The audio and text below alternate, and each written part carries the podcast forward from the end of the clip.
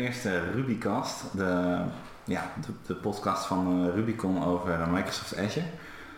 Ik zal even mijn stem voorstellen. Ik ben, uh, ben Erik Aurik, ik, uh, ik ben de host voor vandaag en nee, ja, aan mijn linkerkant aan deze tafel zit, zit Jesse. Stel jezelf eens even voor Jesse, wie, wie ben je, wat doe je, wat, wat is jouw rol? Ja, is goed. Ik ben Jesse Gorter. Ik ben bij uh, Rubicon ben ik uh, Principal Consultant uh, voor data. En daarin ben ik de, de Area Lead, de Cluster Lead voor Azure Synapse en voor Power BI. En mijn taak is om die die twee onderwerpen uit te diepen en daar ook presentaties voor te geven bij klanten, maar ook bijvoorbeeld project startarchitectuur bij klanten op te stellen en ook de interne kennis bij de mensen bij te brengen, dus over te dragen, presentaties over te geven, mensen mee te nemen in wat die dingen voor, voor ons en de klant kunnen betekenen. Daarnaast, ik ben 37 jaar, ik ben getrouwd, twee kinderen, ook nog twee bonuskinderen, dus lekker druk bij ons thuis. En daarnaast schrijf ik muziek. En zou jij ook nog even voorstellen? Ja, Wie ben jij Erik? Ik, uh, ik ben uh, Erik Aurik. Um, ik werk ook bij Rubicon. Um, ik ben daar nu uh, ook lead data consultant. Um, wat ik doe, ja, ik doe eigenlijk alles van architectuur tot adviseren tot alles wat er nodig is om een ja, data, op het gebied van data eigenlijk de opdracht tot, een, tot een succes te helpen. En wat ik dan eigenlijk doe is ja, ik kom als, vaak eerst als, eigenlijk als een one-man army binnen op een klus. En dan zet ik de paaltjes uit en dan vervolgens gaan we de klus tot een, tot een eind helpen. Nou goed, dan even iets over het onderwerp vandaag. Vandaag is de bedoeling dat we het hebben over Azure Synapse. Ja, Jesse, Azure Synapse. Dat is tegenwoordig helemaal het ding. Toch? Ja, zeker. Je ziet dat het ook echt de vlucht neemt. Komt ook omdat Satya Nadella, de CEO van Microsoft, vorig jaar december het gepresenteerd heeft toen het General Available kwam. Uh, die heeft toen ook echt flink gepusht. En sindsdien zie je dat het ook veel, echt een beetje een hype omheen aan het ontstaan is. Daarvoor hoorde je het ook wel. Er werd al genoemd dat het eraan kwam. Maar je ziet dat sinds december zie je echt een piek. En het is ook Microsoft's antwoord op het concept Data Lakehouse, wat je laatst ook heel erg vaak hoort. En uh, wat ook al, uh, ja, het wordt nu ook al best wel vaak toegepast. En uh, dat is wel het leuke, hè? want je, je ik ook eens bijvoorbeeld collega's of bij andere bedrijven of bij klanten. Die, en die zeggen dan van, oh Azure Synapse, is dat dan iets wat nu al speelt? En wat mij opvalt, ja, er zijn al echt wel veel organisaties die er iets mee gaan zijn, zijn gaan doen. En het is niet iets voor de toekomst, het is echt wel iets voor hier en now. En ja, waar organisaties nu al profijt van hebben. Maar wordt het ook echt gebruikt? Zeg maar, zijn, er, wel klanten die we, die we hierop hebben lopen? Ja, zeker. We hebben er ook al een aantal. En uh, er kan bijvoorbeeld komen doordat ze bijvoorbeeld al Azure SQL Data Warehouse, wat de voorganger van Synapse uh, is, bijvoorbeeld al hadden. Omdat ze bijvoorbeeld al heel veel data hadden. Maar ook omdat het, uh, nou, het, doet, het doet een aantal dingen. Hè. Een van de dingen is dat het aantal Azure services combineert. Bijvoorbeeld Azure Data Factory, Azure Storage Account versie 2. En ehm, Data Lake Storage dus. En wat nog meer? Uh, Azure SQL Data Warehouse. En uh, ja, die zijn dus allemaal samen in één, uh, samengebracht bij Synapse, waardoor je één omgeving hebt waarbij je al die componenten zeg maar, kunt combineren, zonder dat je zelf dat hoeft te integreren. En dat is natuurlijk heel erg aantrekkelijk. En daarnaast zijn er ook een aantal nieuwe features bijgekomen, zoals de mogelijkheid om serverless SQL te gaan schrijven op jouw data lake. Dus ja, je ziet zeker wel dat klanten, hè, die zien er gewoon profijt van en die, uh, die gebruiken het ook. Oké. En um, waar komt het precies vandaan? Want we hadden, nou in een donkerbruin eh, consultancy verleden hadden we in het begin hadden, hadden we SSCS. Ja. En um, nou ja, daarna is er heel lang niets geweest. Toen kwam uh, Azure Data Factory versie 1. En wat kwam daarna? Zeg maar, kwam dat Zeg maar, waar, komt het vandaan? Jij, jij, steekt er nu een beetje in op, op de, de ETL-tooling. Mhm. Ehm, ik denk dat waar het vandaan kwam is dat uh, aan de ene kant heb je een nieuw concept, dat is Data Lakehouse. Laat ik daar zo nog uh, op ingaan. En aan de andere kant heb je natuurlijk de, de move naar de cloud toe van Microsoft. En wat je bij Microsoft wel heel erg ziet is dat ze, en daarom hinken ze een beetje op twee gedachten. Aan de ene kant willen ze de nieuwe concepten omarmen, zoals een Data Lakehouse. Uh, en tegelijkertijd willen ze een soort backwards compatibility hebben met bijvoorbeeld uh, SQL Server. Dus je ziet bijvoorbeeld dat de database engine, dat is van uh, Parallel SQL Data Warehouse, wat een on-premise applicatie was, um, inclusief hardware configuratie, hebben ze dat in eerste instantie naar de cloud gebracht, hè, Azure SQL Data Warehouse. En toen op een gegeven moment hebben ze, en dat was een hele naam, een beetje verandering en daardoor ook een beetje verwarring, hebben ze dat weer Synapse genoemd. En nu is, de hele, is het nog groter geworden. Dus niet alleen een database engine, maar is het echt een hele suite van uh, applicaties en services die gebundeld zijn. En dat noemen ze nu Synapse. Uh, dus aan de ene kant zijn ze backwards compatible met, uh, met wat ze al hadden. En aan de andere kant proberen ze een nieuw concept vorm te geven. Nou, het concept is Data Lakehouse. En het concept is heel erg uh, eenvoudig uit te leggen in de zin dat je de kracht van een data lake en de kracht van een data warehouse wil combineren in één. Dus zij zeggen je wil de flexibiliteit van een data lake wil je houden, dus de uh, schema on read. Nou, schema on read betekent uh, je stopt er data in en pas als je het eruit gaat halen ga je het structureren, ga je het integreren en ga je bijvoorbeeld pas schoonmaken. Um, wat je dus heel flexibel maakt. En je kunt er gewoon allerlei data heel goedkoop in opslaan. Um, en dat is de kracht van een data lake. Hè? Van stop er alles in wat je wil en ga later pas je druk maken om hoe je dat gaat gebruiken. En uh, de andere kant is een data warehouse. En een data warehouse, dat is schema on write. En schema on write betekent pas als de data, hè, als de data ingelezen wordt, moet het al voldoen aan bepaalde strenge regels. Uh, en Data Warehouse is natuurlijk heel erg geschikt voor je enterprise reporting, dus je, je rapporten waarop je je business uh, gaat sturen. En die data moet gewoon kloppen, moet betrouwbaar zijn, moet op tijd zijn, moet volledig zijn. Anders heb je natuurlijk een heel, uh, heel groot probleem. En om die twee werelden, de kracht van het data lake, de flexibiliteit en de, de power daarvan te combineren met die betrouwbaarheid van het data warehouse, dat is data lakehouse. Maar het is dus geen data warehouse. Um, dat is een goede vraag. Synapse is heel veel dingen. En het probeert vorm te geven aan dat concept. Maar je kunt best wel nog steeds gewoon een data warehouse, een fysiek data warehouse bouwen met Synapse. Alleen het geeft je zoveel opties, en dat is ook tegelijkertijd de valkuil met Synapse. Het geeft je heel veel opties om dat concept data lakehouse in te vullen. Wat betekent dat een, een organisatie uh, of een programmeur of wie ook iets met Synapse gaat doen, best wel kan twijfelen van maak ik nu de juiste keuze? Want ga ik voor een virtueel data warehouse? Ga ik voor een uh, fysiek data warehouse? Uh, hoe ga je dat precies invullen? En daar heb je dan experts zoals bijvoorbeeld wij voor nodig om daar bijvoorbeeld over te adviseren. Dus als ik het goed begrijp is Synapse eigenlijk een soort van gereedschapkistje. Precies, het is gewoon een gereedschapskist met allerlei opties. En dat is wel grappig, want het, het, uh, het vult dat concept ook anders in dan bijvoorbeeld andere spelers in de markt. Als je bijvoorbeeld kijkt naar Azure Databricks of naar het bedrijf Databricks, die, uh, die doen het op één manier. Hè? Die uh, zeggen van je moet Delta Lake gebruiken bijvoorbeeld op een Data Lake. Mm -hmm. en, en op die manier kun je vanuit Delta Lake kun je data warehouse functionaliteit naar een, een, een, een Data Lake brengen. Terwijl Synapse, die zegt eigenlijk je een hele gereedschapskist. En je kan Delta Lake gebruiken, je kunt uh, de serverless SQL uh, gebruiken, maar je kunt ook nog gewoon fysiek een data warehouse opzetten. En hoe jij het wil invullen, daar ben je helemaal vrij in. En daar zit eigenlijk het grote verschil, denk ik. Um, ja, wat is de reden dat organisaties nu uh, hiervoor zouden moeten kiezen? Waarom zouden ze nu voor uh, Synapse moeten kiezen?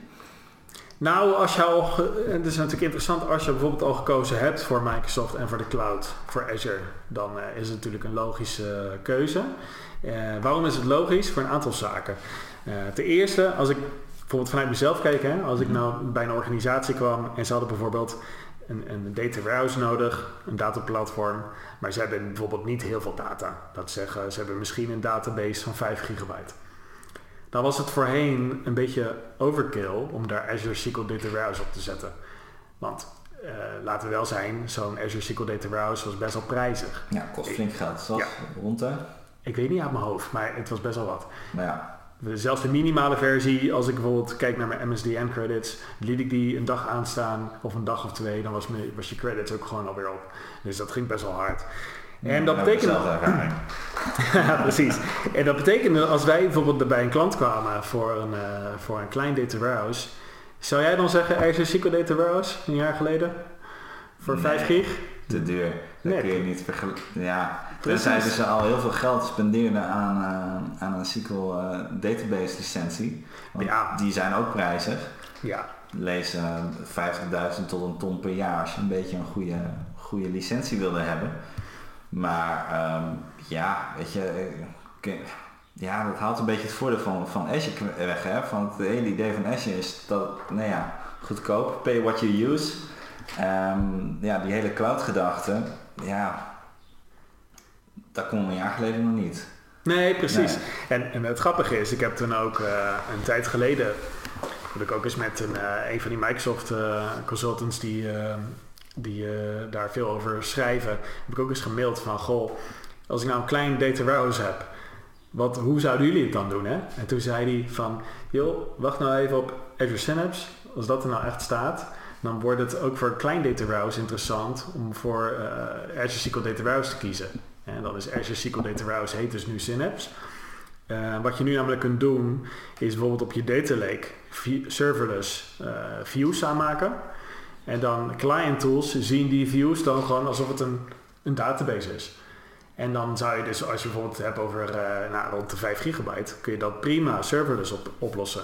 En dan betaal je ehm 1, nee, 4 euro per terabyte eh, die gelezen is. Dus als jij een klein data warehouse hebt en je, je stuurt die data bijvoorbeeld weer door naar Power BI of naar Analysis Services, dan is zo'n serverless SQL pool best wel interessant. Want je data staat in je storage account. Nou, dat is niet, eh, niet heel erg prijzig. Maar het wordt wel aangeboden alsof het een relationele database is. En dan heb je dus in wezen een virtueel data warehouse. En dat, dan heb je dus ook weer het concept data lakehouse te pakken. Want dat, die, die data lake plus die view erop, dat eh, acteert alsof het een data warehouse is. Maar het is tegelijkertijd ook nog steeds een data lake.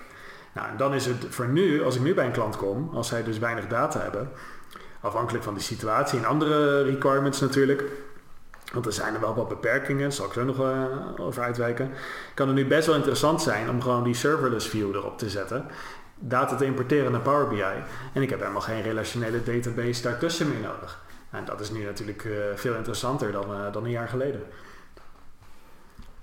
Beperkingen, zei ik net nog wel, ehm, grappig is, ik heb ook een tijd geleden bijvoorbeeld een, een organisatie geadviseerd en die hadden bijvoorbeeld spatial data. Die werkte met ArcGIS en eh, die deden in de SQL engine aantal berekeningen op, eh, op, eh, op locatiedata. En dan kom je erachter dat, dat de, de Synapse dat bijvoorbeeld niet ondersteunt. En ook het datatype XML wordt in de, dat moet ik wel even goed zeggen, in de fysieke database engine. Want je kan nog steeds gewoon zo'n zo'n wat prijziger data warehouse fysiek aanmaken. En die engine, en dat is een andere engine dan die serverless engine, die twee zijn nog niet eh, helemaal hetzelfde, eh, die kan niet omgaan met bijvoorbeeld XML datatypes en eh, spatial. Dus het kan zijn dat je, dat je daar dus in beperkt wordt. Dan kan je dat natuurlijk met de andere, hey, je kan met een Spark notebook daar misschien wel iets mee doen. Maar er zijn wel wat beperkingen daarin. En het kan zijn dat een bepaalde situatie, een bepaalde casus, betekent dat de klant nu nog niet voor Synapse moet kiezen. Daarom doen wij bij Rubicon ook altijd, hè, wij zetten dat data lakehouse principe nu wel centraal. Maar wij zeggen niet, nou als je naar een dataplatform gaat, ga je per se naar Synapse. Synapse is ook voor ons weer één tool uit die gereedschapskist. Wel een hele belangrijke tool gaat die worden. Maar het kan nog steeds zijn dat een, dat een organisatie beter af is met bijvoorbeeld eh, Azure SQL of Azure Managed Instance. Ja, Eh, als we eens eh, nou, een beetje uitzoomen, zeg maar. We hebben de, als we een beetje uitzoomen naar de hele, ja ik noem het altijd de Azure de data dierentuin. Ja? We hebben dus nu, eh, om even samen te vatten, we hebben dus nu Databricks, dat zit nu in Synapse. We hebben ehm, Azure Data Factory, dat zit in eh, Synapse. Nou ja, we hebben Power BI, eh, Power BI Pro, ehm, dat zit nu in Synapse, of dat integreert met Synapse, zeg ik dat goed? Ja, het integreert wel. Ja. Ja, het is echt een, een integratie, zeg maar. Je zou ook nou ja, andere tooling erop kunnen zetten, zoals een Klik of een Tableau. Ja, gewoon, dat, nou dat, dat wel. Ja. Ehm, even kijken, wat missen we dan nog? Eh, we hadden nog Data Lake. Eh, ja, zit er ook in. Als je Data Lake zit er nog op. Eh, we hadden toen, nee, het, dat heeft een aantal namen gehad, dat heb je net verteld. de SQL Data Warehouse. SQL Data Warehouse. Het heeft iedere zoveel tijd heeft het een nieuwe naam. Ehm, en nu heet het uh, Synapse, denk ik. Ja. ja. Ja, binnen Synapse is het nu de Dedicated SQL Pool. De dedicated Dus dat betekent als jij een fysiek database wil in Synapse, dan is het gewoon die old school Azure SQL Data Warehouse. Met dezelfde prijzen en dezelfde functionaliteit. Ja. ja, en het voordeel daarvan nog steeds dat je inderdaad um, hem aan en uit kan zetten. Die kun je aan en uitzetten en die is heel krachtig, want dan kun je dus met uh, heel veel nodes tegelijkertijd je SQL query uitvoeren. Die kun je helemaal uh, uh, opschalen zoals je dat wil. Mm. Klopt. Maar um, nou ja, we hebben dus die hele Azure dierentuin hebben we dus nu, die Azure Data dierentuin.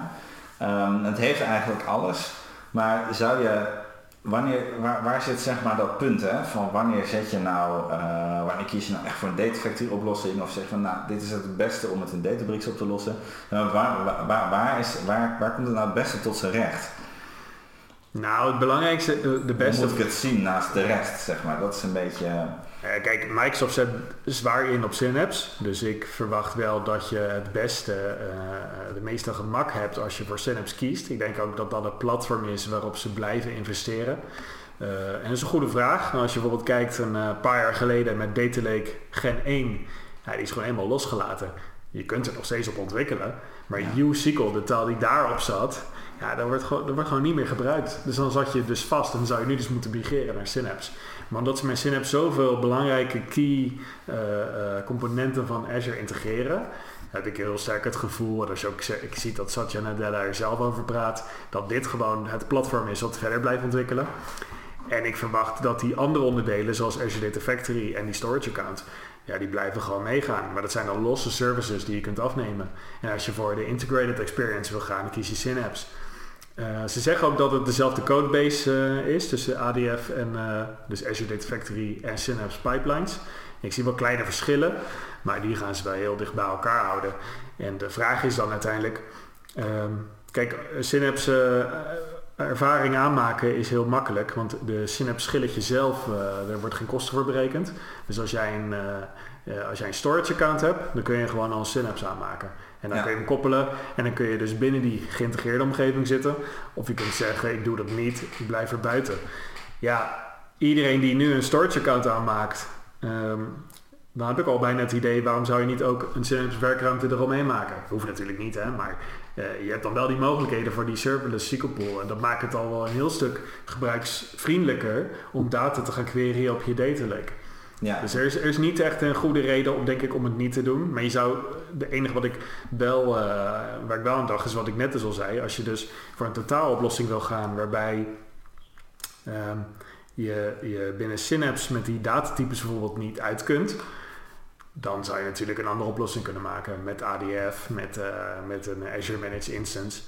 Maar ook in, uh, in dit geval uh, hadden we wel voor ge gekozen om wel die Synapse omgeving aan te maken. Ook al ja. gaan we uiteindelijk het data warehouse daarin niet bouwen. Omdat je dan toch net wat meer exploratiemogelijkheden kunt geven. Bijvoorbeeld aan data engineers of aan data scientists. Ja, op die manier.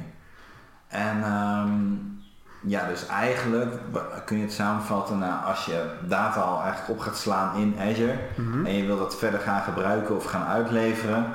Dan... Um, dan wil je dat dus eigenlijk gewoon gaan inzetten. Dan wil je dus eigenlijk ervoor gaan kiezen. Dan zou je eigenlijk wel zeggen van je hebt het al opgeslagen daar, waarom zou je niet meteen de Synapse omgeving daar uh, Ja, dus misschien iets, misschien iets te kort door de bocht, maar het is hier wel iets om over na te denken. Kijk, als je je dataplatform op een andere manier gaat realiseren, omdat je ja, op wat voor reden dan ook, dan, dan hoef je natuurlijk niet per se een Synapse aan te maken. Maar het is zo uh, laagdrempelig om dat er ook bij aan te maken. Dat, dat er niet zo heel veel redenen zijn om het uh, niet te doen. Behalve dat je misschien uh, less is more. Dus als je het niet gaat gebruiken, doe het dan weer niet. Dus in die ja. zin wil je ook een beetje structuur houden in je Azure subscription, denk ik. Ja, duidelijk. En um, advocaat van de duivel, zou je het willen inzetten bij een klant? Ja, doe wel. Is het al enterprise ready? Ja, dat is een goede. Is het al enterprise ready? Want ik, ik zie nog wel eens gekke dingen. Dat ik, uh, dat ik, uh, wat ik wel gek vind is dat als ik naar die serverless uh, variant krijg, kijk en ik wil een query runnen op mijn data lake en ik heb het al een tijdje niet gedaan, dan duurt het even. Dan zeg ik altijd voor de grap, hij is de server aan het opstarten. Wat raar is in een serverless oplossing. Je zou zeggen, die query moet gewoon ready to go zijn. onder water gaat hij toch nog wat dingen doen. Ehm, dus daar had ik dan wel eens een twijfel bij van. Uh, bijvoorbeeld, dat is een goede hè. Zou je nou bijvoorbeeld, uh, bijvoorbeeld voor het importeren van data naar bijvoorbeeld een Power BI, zou, heb ik geen enkele moeite om dat via die serverless oplossing te doen. Maar zou ik nou real-time rapporten in Power BI op die serverless engine zetten, dat vind ik nog wat spannender. Dan zou ik dan eigenlijk als een soort proof of concept een tijdje willen draaien naast het officiële rapport om te kijken, jongens, gaat dit goed? Want ja, je ziet dus dat als ik hem al een tijdje niet gedraaid heb, dat die serverless in eerste instantie traag is. En in Power BI wil ik altijd gewoon een snelle reactie hebben. Ja. Dus uh, daar zou ik bijvoorbeeld even over nadenken als je bijvoorbeeld direct query wil doen. Ja, dat is natuurlijk de vraag hè, of je klanten, um, heel veel mensen zeggen wel dat ze real-time nodig hebben, maar vaak is soms neer real-time ook al voldoende. Ja, en, en wat je ook nog ziet is dat als je bijvoorbeeld uh, allerlei SSIS packages had, integration services, dat uh, ADF die wel kan hosten in uh, Azure Data Factory kan die wel hosten in de cloud. Maar dat kan, dat kan Synapse niet. Dus in die zin vraag ik me dan af hoezeer het een, een, dezelfde codebase kan zijn als er toch kleine verschillen zoals dat in zitten. Ja, ja ook. Ja. Dus dat zijn, uh, dat zijn dingen. En uh, ja, Microsoft zei volgens mij ook zelf wel dat het voor production workloads, uh, die serverless SQL pool, niet, dat dat niet de bedoeling is. Dat, je daar, dat het meer bedoeld is voor ad hoc en exploratie, gewoon dingen te ontdekken. Echt analyse. Ja, echt, echt analyse. Je data scientists ja. en onderzoekers. En nog iets, je hebt over Azure Databricks. Um, Azure Databricks is een oplossing waarmee je Spark in, in Azure kunt draaien. Nou, Spark uh, het gaat een beetje, misschien is het wat te technisch om daar heel erg in de diepte in te gaan, maar met Spark kun je in een cluster, en een cluster betekent gewoon dat je bijvoorbeeld niet één laptop hebt die het doet, maar dat je bijvoorbeeld uh, eh, 30 machines uh, die allemaal tegelijkertijd jouw code uitvoeren, zodat je het sneller en schaalbaarder kunt gaan doen. En met Spark is een taal waarmee je dat kunt, kunt gaan doen. Of Spark is de engine die dat voor jou kan doen. En dan kun je bijvoorbeeld Python code of R code uh, en in Synapse ook .NET code bijvoorbeeld, kun je dan in, door zo'n cluster laten uitvoeren. Ja, dat is heel erg krachtig voor bijvoorbeeld machine learning. Want je kunt bijvoorbeeld een voorspelmodel door uh, misschien wel 100 computers allemaal uh, naast elkaar berekenen. dat is ook precies de technologie dan misschien niet per se Spark, maar wel dat concept, hè, is precies de reden waarom deep learning de laatste paar jaren zoveel, uh, omdat ze gewoon veel meer computer, veel meer computers tegen die algoritmes kunnen gooien. En dan blijkt dat bijvoorbeeld zo'n neuraal netwerk, wat in de jaren 50 is bedacht en waar ze al uh, eh, 40 jaar uh, was het een lachertje in de wereld. Want dan zeiden ze als een wetenschapper iets geven over een neuraal netwerk, dan zeiden collega-wetenschappers heel vaak, nou haal dat woord er maar even uit. Schrijf maar even iets anders op. Schrijf maar algoritme. Want het neuraal netwerk, dat was, uh, dat was helemaal belachelijk gemaakt, omdat het gewoon niks opleverde. En toen zeiden ze, uh, ja, ongeveer tien jaar geleden erachter gekomen, dat als je daar gewoon veel meer data en veel meer compute tegenaan gooit, blijkt het opeens een hele krachtige technologie te zijn. Al die image recognition, als ik nu met uh, Google Foto's zoek op op uh, Lego. Dan vind, ik, vindt hij tussen al mijn foto's die ik de afgelopen vier jaar heb gemaakt, vindt hij het enige Lego poppetje wat ik uh, met mijn zoontje had gemaakt bijvoorbeeld. En ik heb hem niet eens gelabeld als Lego, maar hij herkent het gewoon. Ja, ja. Dat is gewoon heel erg krachtig. Maar goed, om terug te gaan naar Databricks. Met Databricks hebben, die zijn daar, uh, die hebben Spark bedacht en die zijn daar ook volop aan het ontwikkelen. En met Azure Databricks heb je ook de meest recente Spark integratie. Die hebben de, snelste, de, laatste versie van Spark. En Synapse heeft dus ook Spark uh, uh, notebooks ondersteund. En dat is wat nieuw is gekomen, samen met die serverless uh, SQL. Maar Synapse loopt wel wat achter op Spark. Dus uh, ik weet even de versie niet in mijn hoofd. Ik geloof dat Databricks versie 3 heeft en Synapse versie 2. zoveel. Maar ik heb begrepen, ik heb het nog niet getest, dat Databricks in sommige gevallen wel uh, zes keer zo snel kan zijn als een notebook en Synapse. Dus als de dus- Spark echt super belangrijk voor je is en die wil daar echt op voorop lopen, dan kan het handig zijn om nog steeds Databricks te gebruiken. Terwijl als je gewoon uh, ja, vrij uh, eenvoudige Spark behoeftes hebt, dan zou je voor kunnen zeggen, nou ik heb liever dat het binnen mijn eenduidige omgeving binnen Synapse valt. En dan, dan hou je het gewoon als een Synapse notebook. Ja, je zou natuurlijk altijd nog later hè, vanuit performance overweging nog kunnen zeggen van ja, weet je, ik heb het nu in Synapse gebouwd. Ik kan het nog altijd een keer naar mijn Databricks overhevelen om te kijken of het daar sneller draait met, met de laatste versie van Spark. En vooral met uh, Delta Lake, daar, daar wil ik ook nog even kort over hebben. Delta Lake is een technologie ook bedacht uh, door Databricks. Delta Lake is een een technologie waarmee je op een data lake ook kunt queryen alsof het SQL is. Dat lijkt dus heel erg op die serverless SQL die Microsoft nu heeft bedacht. Alleen zij hebben daar wat extra features, zoals bijvoorbeeld automatische historie. Dus uh, als we het hebben over BI hebben we het vaak over de historie van data, snapshots. En elke keer als jij data toevoegt, dan maakt hij onder water een nieuwe versie aan. Nou, en die, die uh, Delta Lake is gewoon heel erg krachtig. Dat, dat kun je dus ook uh, daarmee doen. En wij wachten heel erg met Smart tot Synapse die Delta Lake integreert met die serverless SQL. Want dan, heb je gewoon, dan hoef je dus niet meer een cluster op te spinnen. Dan hoef je niet meer te betalen voor een cluster. Maar dan kun je gewoon uh, met serverless SQL kun je dan gewoon je Delta Lake gaan, uh, gaan bevragen. En dat zou heel erg een mooie toevoeging worden. Ja. ja, maar er moet natuurlijk ook geld verdiend worden. Ja, maar het is, uh, is het wel, wel bekendgemaakt dat dat eraan komt? Of, uh... Ja, bij mij weten wel. Ik heb eerlijk gezegd er wel van horen zeggen, maar ik hoor van veel mensen. Ik heb ook in een Microsoft cursus gezeten waarbij ze zeiden dat dat wel... Uh, dat het eraan komt. Ja, het komt er wel aan. En het zou ook gek zijn als ze het niet doen, want Delta Lake wordt echt wel het winnende uh, formaat. En ik denk dat Synapse met hun serverless SQL uh, dan een hele mooie combinatie zouden hebben. Want Databricks kan dat niet, die, die kan dat niet leveren. Nee. En met Databricks heb je gewoon een Spark cluster nodig. Een Spark cluster betekent dat je gewoon heel veel uh, nodes moet gaan optuigen. Je hoeft dat niet zelf te doen. Dit is gewoon een druk op de knop. Maar je betaalt voor die... wachten. Oh. Ja, je moet Ja. wachten en je moet ervoor betalen. Terwijl eh, serverless SQL van, van Synapse, dan betaal je per query. Dus dan, dan je voert gewoon een query uit. En onder Ja. water zorgt hij er wel voor dat er voldoende wordt opgeschaald. Nou, op dit moment, eh, eh, op dit moment kun je ook niet eens echt dat serverless opschalen. Dat is ook wel weer een nadeel. Want als ik dan eh, een dataset van 300 gigabyte heb en ik doe daar een query op, dan is die daar wel een goede 30 seconden mee bezig.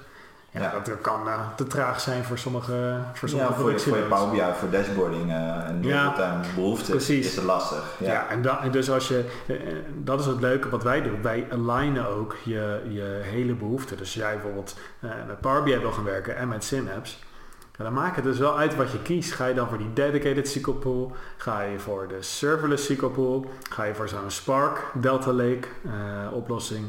En ga je met Power BI data importeren of ga je eh, daar een query doen? En wij nemen dat allemaal mee en maken daar dan een, een keuze in. ja, maar ik denk ook dat dat een van de dingen is die wij toevoegen in het, in het verhaal, gok ik. Dat wij, ehm, Ja. ja, wat wij doen is gewoon, we, we helpen je navigeren door, door, de, nou ja, door het hele gereedschap eh, spectrum. Om te kijken van waar zetten we, zetten we de juiste tool in voor de behoeftes die je hebt.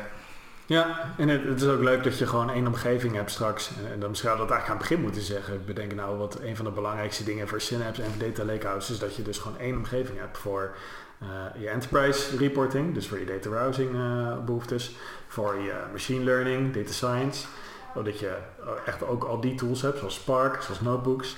En, en tegelijkertijd voor je self-service BI, voor die exploratie en dingen zelf proberen. Dus je hebt gewoon één omgeving voor veel meer doelgroepen ook. Ja, En vroeger moesten we allemaal aparte omgevingen op gaan richten. Voor een self-service gedeelte, een data science, data lab en een, data warehouse. En nu kun je dat binnen één omgeving met verschillende technologieën eh, bij elkaar brengen. Ja misschien hadden we het inderdaad aan het begin moeten zeggen. Dat, dat had ik begin moeten zeggen. Dat is eigenlijk gewoon het belangrijkste. ja, want vanuit de business gezien, ja, het is natuurlijk ook best wel een technische podcast, hè, maar voor de business gezien is dat natuurlijk het gaafste. Dat je zegt, ik heb gewoon één omgeving, daar kun je gewoon alles in doen. En, en dan eh, heb je één dataplatform wat je echt centraal zet. Maar ja, het is natuurlijk ook een stukje wat je kan zeggen ten opzichte van beheerkosten. In plaats van dat je drie omgevingen in de lucht eh, houdt, ben je nu opeens nog maar bezig met één geïntegreerde omgeving. Ehm, ja, je- het, het zou eigenlijk, wat je nu ziet, al dat eilandjes, eh, al die eilandjes met dataproducten die je hebt, die zou je, zou je meer kunnen samenvoegen naar één eiland. Ja, Ja, Maar het is ook een, een, een strategische keuze. Hè? Ik kreeg een tijdje geleden de vraag van iemand die zei van... eh, ja, eh, mijn organisatie wil naar de cloud. Maar ik kan, en, en diegene die had dus een eh, Azure VM... Had hij SQL Analysis Services op geïnstalleerd... Reporting Services, Integrate Services... ja de hele straat. De Ja. hele straat, alles on-premise, maar in de cloud dus. En eh, hij zei, ja, maar ik kan alles leveren. En dat is echt wel goedkoper dan als ik het, eh, als ik het eh, eh, via eh, Platform as a Service ga ophalen. Dus eh, hij had Infrastructure as a Service. Hè. Hij heeft zelf die hele OS, Ja. hij heeft alles geïnstalleerd. En dan zei hij, ja, het is goedkoper als ik het allemaal op die manier doe. Ik, ja, de eerste, dat zou best wel kunnen. Maar de vraag is natuurlijk veel meer van, hoe, hoe belangrijk is je dataplatform? En, uh, en hoe belangrijk is het dat jij juist geen zorgen meer hoeft te maken over het beheren daarvan, over uh, nieuwe versies installeren, voor het pauzeren als het even niet meer nodig is. En, en als je, dus je moet het niet op die manier 100% denk ik vergelijken van is het goedkoper, maar ook van welke waarde wil je eruit halen, hoe makkelijk kun je opschalen, Nou, ik- welke doelgroepen kun je bedienen. Ik zou het nog wel aandurven voor, want tegenwoordig komt die hele straat komt alleen nog maar met een, eh, met een hele dure versie van SQL Server mee. En ik weet niet of hij dat, eh, dat precies heeft eh Ik heb het ook niet 100% vergeleken. Ja. maar eh, het zou kosten kunnen bezwaren. En je kunt natuurlijk op pauze drukken. Je kunt natuurlijk zeggen van in Azure van ik, ik schaal, eh, ik scale hebben- down. Ze hebben VM uit, ja. Ja, dat zou ook nog kunnen Ja. natuurlijk. Hij zou ook zijn VM uit kunnen zetten. Maar hij kan niet makkelijk, denk ik, nou dat kan natuurlijk ook wel een stukje opschalen en afschalen.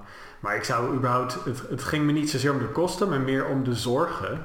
En de, de ja, expertise de, de die- waaromheen de weer beheerlast. een VM die je moet updaten, bijwerken.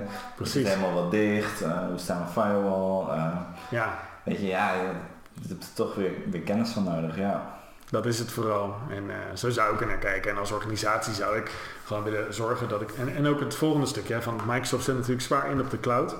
En op die ontwikkelingen.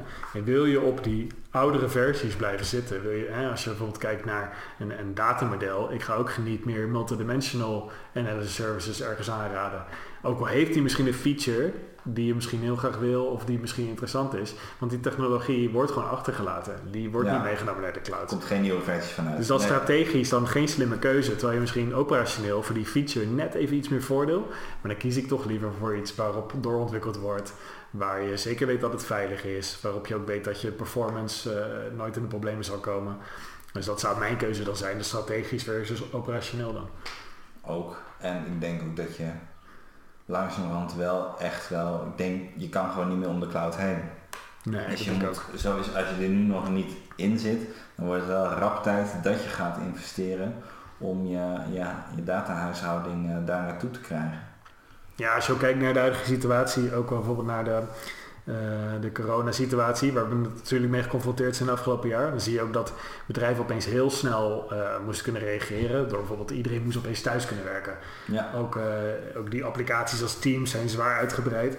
En eh, dan kan je natuurlijk zeggen van god, heeft dat ermee te maken? Maar we leven wel in een tijd, dat, dat is natuurlijk niet alleen door corona, maar gewoon ook de mindset, dat we sneller moeten kunnen reageren op dingen. Sneller iets moeten kunnen optuigen, sneller iets moeten kunnen... En, en dat is in de cloud zoveel makkelijker. Weet je. je hoeft niet eerst hardware aan te schaffen, eerst een datacenter in te richten, allemaal dat soort dingen. Eh, je kan best wel snel beginnen. En, en dat is denk ik de kracht van eh, die flexibiliteit die het met zich meebrengt. En dat is in deze tijd ook onze mindset. Wij verwachten gewoon instant gratification. Je hebt een behoefte, je, wil ook, je bent ook gewend dat je hem meteen kan eh, eh, eh, waarmaken. Als ik een boek wil lezen en ik wil hem echt per se nu lezen, dan koop ik hem digitaal als een e-book. Ik hoef niet per se te wachten tot die fysiek over een aantal dagen of dat ik naar een- winkel moet gaan. En, dat zit ook in onze mindset nu. Hè? Van we verwachten gewoon dat er iets meteen geregeld kan worden. Dus in die zin hebben we ook gewoon minder geduld. En de cloud sluit daar ook nog eens op aan. Je dataplatform wil je ook snel kunnen reageren. ja. Ja, ik denk dat dat eh, ook eh, langzaam verhuist naar de, naar de IT-landschap behoefte. Ja. Dus Jesse, ehm, we hebben nu het laatste half uur gehad over Synapse. We willen natuurlijk onze eerste podcast niet te lang maken. Ehm, wat zijn nu de belangrijkste punten die, eh, die je eigenlijk wil vertellen? Ja, goed om het even samen te vatten. Ik denk dus dat Synapse een, eh, het concept Data Lakehouse invult. Data Lakehouse eh, beantwoordt een bepaalde behoefte om eh, flexibel te kunnen zijn. En met allerlei soorten data om te kunnen gaan. Met eh, big data, met gestructureerde data. Het is eh, één platform waarbij je zowel je enterprise BI kunt doen. Dus je, je managed reporting, je data warehousing kant. Eh, de rapporten die gewoon moeten kloppen. Andere kant data science. En ik denk dat de derde pijler is eh, self-service BI. En die kun je gewoon allemaal in één omgeving eh thuisbrengen. En je bent daarin het meest flexibel en je wordt ook het meest ontlast doordat die integratie van die componenten binnen Azure al gedaan is voor je in Synapse. En ik denk dat dat de belangrijkste reden is voor, voor bedrijven om er nu naar te gaan kijken. en om er nu mee aan de slag te gaan. Duidelijk. Dankjewel voor het luisteren. Ja, dankjewel en eh, tot de volgende keer. Ja,